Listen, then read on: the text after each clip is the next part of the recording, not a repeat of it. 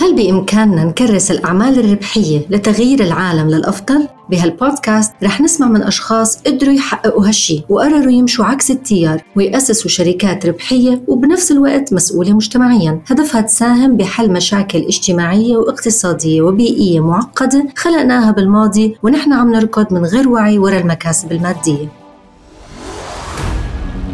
ال business وال entrepreneur ده بالنسبة لي لغة جديدة كأني بتكلم ألماني.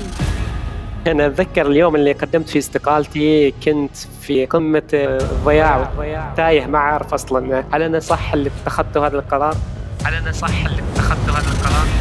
كان في 1500 application متقدمة أخدونا on board في ال accelerator ده and they invested in us as well ف that was I think huge وخلانا نبص الموضوع إنه نقدر نكبر بيه أكتر. في فكرة اتزرعت في قلب البني آدم ومن كتر ما تصدق الفكرة دي كل الظروف اللي حواليه بتتحرك لتحقيق هذه الفكرة دي.